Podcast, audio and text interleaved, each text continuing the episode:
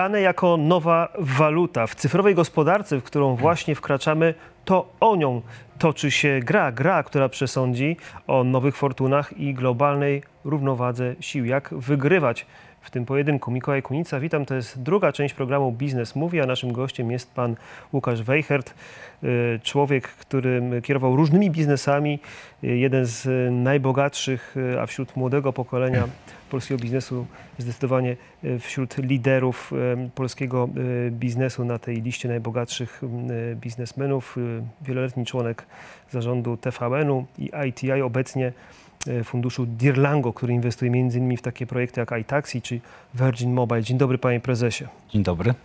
E, zanim przejdziemy do tych danych, bo chyba tutaj nie będziemy się kłócić, że to jest dzisiaj nowa waluta, to chciałem e, pana zapytać o kłótnię, którą obserwujemy od kilkunastu miesięcy, ale jej ostatnia odsłona jest zaskakująca. To znaczy, jak pan odbiera to, co dzieje się w Wielkiej Brytanii e, i tą dyskusję dotyczącą Brexitu. Ja się dzisiaj rano obudziłem, przeczytałem, że było osiem uchwał, wszystkie przepadły na temat kierunku rozwiązania problemu. Pomyślałem sobie, no to dobrze, bo przynajmniej jest jasność, nie trzeba szukać, która przeszła. Mhm. No to jest bardzo e, dobre i trudne pytanie i muszę powiedzieć, że nie jestem ekspertem w, w tym temacie, ale właśnie wróciłem e, z Londynu gdzie spotkałem e, właściciela jednego z dużych funduszy e, inwestycyjnych tam. Działa na rynku 30 lat i powiedział, że on nigdy nie widział na rynku takiej zmienności, niepewności i takiego e, zamieszania jak, jak w tej chwili.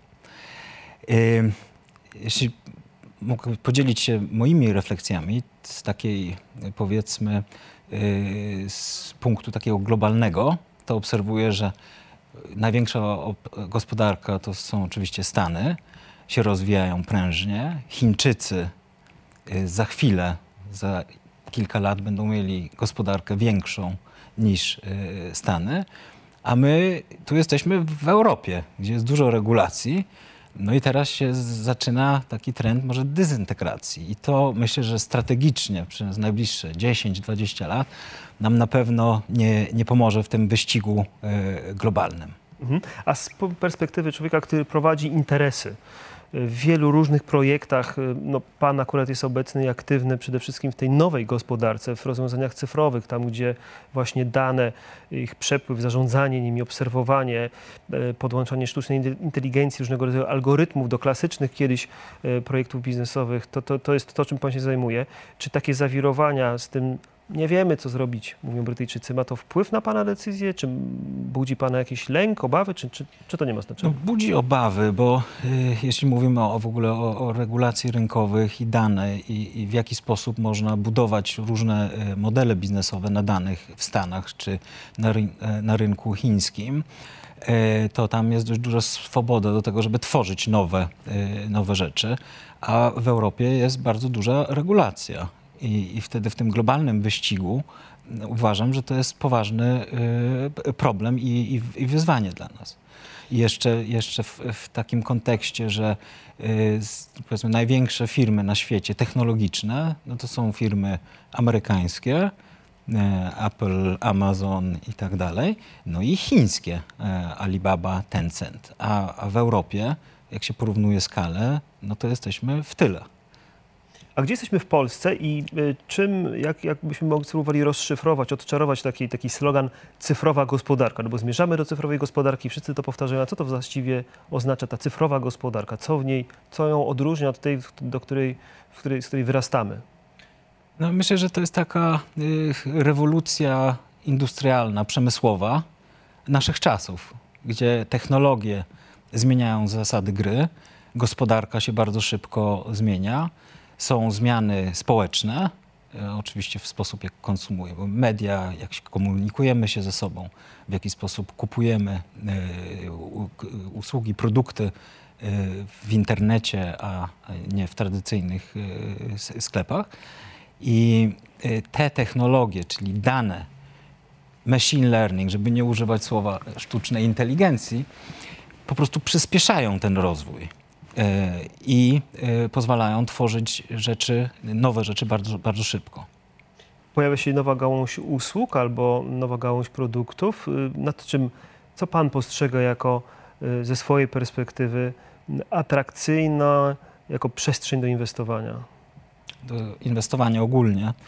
No myślę, że te technologie, jak widzieliśmy, zmieniły handel, zmieniły komunikację. Rzadko pewnie pan nawet nie, nie myśli o tym, że 10 lat temu trzeba było płacić za rozmowę, żeby zadzwonić za granicę.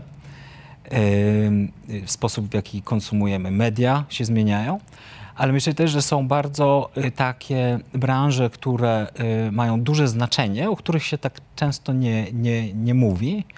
Y, I to jest edukacja. No w dzisiejszych czasach, jak są najlepsze uniwersytety na całym świecie, to można mieć dostęp z każdego miejsca na planecie do, do edukacji, do wykładów nauczycieli. I i, i, to myślę, że, że, że, jest w ogóle bardzo istotne dla rozwoju całego świata. A czy ta cyfrowa gospodarka, kto, jest, kto będzie jej beneficjentem, kto będzie zyskiwał na tym kierunku zmian, które obserwujemy? Czy to będzie biznes, czy to będą konsumenci, czy to będzie państwo, jeśli przejmie kontrolę właśnie nad danymi i będzie w stanie nas identyfikować już bardzo indywidualnie i na bardzo wielu obszarach, a nie tylko znać nasz PESEL, jakiś numer w ZUS-ie, być może numer konta i parę innych rzeczy. Będzie wiedziało wszystko o nas, prawda? Więc pytanie, kto, czy to jest bezpieczne dla nas jako konsumentów, czy to jest szansa dla biznesu, czy to jest ta, ta druga strona medalu jest groźniejsza, właśnie wszechogarniająca władza państwa, gromadzącego wszystkie dane, przetwarzającego tak. je i tak dalej. To jest dość, dość szerokie pytanie, ale z punktu widzenia, y, może zacznijmy od firm. Z punktu widzenia firm, to firmy znacznie lepiej znają swoich y, konsumentów. Czyli jak Ford sprzedawał samochody i nadal sprzedaje, to w momencie, jak ludzie wyjeżdżają z salonu, to już nie wie, co się dalej dzieje, jakie mają przyzwyczajenia, potrzeby i tak dalej. Tesla wie, więc ma dane, jak może lepiej przystosować y, swój produkt do, do, do y, klienta, zwiększyć bezpieczeństwo, używając algorytmy i tak dalej. Ale jako hipotetyczny użytkownik Tesli bym się zastanawiał, co się dzieje z informacjami o moim stylu jazdy, o tym, gdzie jeżdżę, kiedy tak. jeżdżę, tak. czy to... przestrzegam przepisów, czy nie. I bym się trochę niepokoił. Okej, no Tesla zbiera te dane, i to są ta, teraz dane Tesli, moje. Czy Tesla sprzedaje firmie ubezpieczeniowej, albo powie mojemu pracodawcy, słuchaj, on się spóźnia zawsze. Tak, nie, to, to jest, e, no zdecydowanie powinno to wyglądać tak, że dane są użytkownika i firmy powinny w bardzo jasny sposób powiedzieć, do czego te dane są używane. Bo tak naprawdę firmy y, ułatwiają życie danego użytkownika. Więc jak ja na przykład codziennie korzystam, czy prawie codziennie z Google Maps, Maps no to nie chciałbym się logować za każdym razem, yy, żeby wyrazić zgodę na to, że korzystam z tego produktu, bo doskonale wiem, jak Google używa te dane. Znam moją pozycję yy, i może mi pokazać, gdzie jak dojadę. Więc to, tu, tu, uważam, że, że to muszą być bardzo przejrzyste zasady, żeby firmy nie używały te dane no, w taki sposób nietransparentny, bo to jest nie fair dla, dla użytkowników. A czuje pan się bezpiecznie w tej cyfrowej gospodarce, w tym, że właśnie wszędzie zostawia pan ten cyfrowy ślad, czy to w systemie bankowym, czy w systemie telekomunikacyjnym, czy w systemie nawigacyjnym, de facto wiedzą o panu pewnie więcej niż pan sądzi, że pan zostawia tych śladów. Ja się czuję bezpiecznie. Uważam, że kraj jest bezpieczniejszy, jak. Yy, yy, jak, jak można używać, nie wiem, kamery e, w dzisiejszych czasach, gdzie też jest zagrożenie, nie wiem, terroryzmu i tak dalej, no to myślę, że technologie e, nas chronią e, w różnych tych obszarach. Panie prezesie, pana jednym z takich projektów najbardziej znanych dziś to jest iTaxi, czyli w zasadzie dlaczego wybiera pan no, dosyć wydawałoby się bardzo prostą usługę, czyli wożenie ludzi z punktu A do punktu B dosyć tradycyjną, wydawałoby się, nic tam się wielkiego już nie wymyśli, a pan inwestuje w to niemałe pieniądze. O co chodzi? To znowu wracamy do danych, bo y, praktycznie wszystkie biznesy, które rozwijamy w grupie Dilango, łącznie z iTaxi, są oparte o, o, o dane. Więc y, my bierzemy dane plus machine learning algorytmy, które usprawniają i znowu zbliżają nas do naszych klientów, tak że my w prosty sposób możemy wysłać taksówkę w przeciągu 3, 4, 5 minut w daną lokalizację e, i też e, dostosować jakby preferencje e, danego klienta, czy chce mieć taksówkę, która ma wyższą jakość, może trochę wyższą cenę, czy chce mieć e, taksówkę, która jest troszkę tańsza. No i na to też można nałożyć całe w ogóle y, y, predykcje, algorytmy, które przewidują, gdzie będzie popyt na taksówki i w ten sposób też pomaga taksówkarzom y, zrobić więcej kursów i w ten spo, sposób zoptymalizować swoje przychody. A jaki jeszcze inny rodzaj takich usług powszechnych biznes spróbuje przekształcić właśnie w taki model, jak to się stało przy w tym case'ie y, taksówkowym, tak, tradycyjnego biznesu? Co jeszcze się może wydarzyć w najbliższych latach, Pana zdaniem? Co zmieni nasze życie, takie codzienne? Codzienne. Ja, mi, mnie bardzo interesuje taki ten, ten obszar edukacyjny, bo w tym momencie, jak y, młodzi ludzie się uczą i mają nauczyciela, jednego nauczyciela na 20 osób, e, to algorytmy mogą pomóc nauczycielowi zdiagnozować te os wszystkie osoby indywidualnie, gdzie mają jakąś słabość.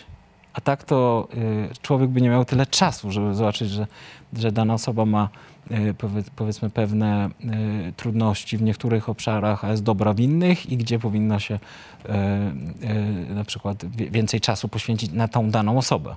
A interesuje Pana to, jak będzie wyglądała w przyszłości ochrona zdrowia? Obserwuje Pan te zmiany? Bo tu też się wydaje, że algorytm jest w stanie nasz indywidualny case zdrowotny no, porównać do nieskończonej, że tak powiem, bazy danych podobnych przypadków, no a taki lekarz, nawet najlepszy z 30-letnią praktyką, no, ma ograniczenia i może popełnić błędy. Niektórzy mówią, że za chwilę nie będziemy chodzić do lekarza, tylko obsłuży nas nasz problem algorytm. No to, to, to jest drugi obszar, który też ma olbrzymie znaczenie. Ale wyobraża pan sobie taką, taką sytuację? Nie, to, już, to już się dzieje. Tak? O wiele szybciej można zdiagnozować e, niektóre choroby, czy nie wiem, e, że się ma coś na skórze, zrobić zdjęcie i to zdjęcie jest porównywane do setek tysięcy takich przypadków albo milionów i algorytm bardzo szybko może zdiagnozować, czy to jest e, coś, co, co, o czym trzeba się martwić, z zagrożeniem i, i, i, i tak dalej. Więc to myślę, że ta technologia jest wszędzie, w każdej dziedzinie.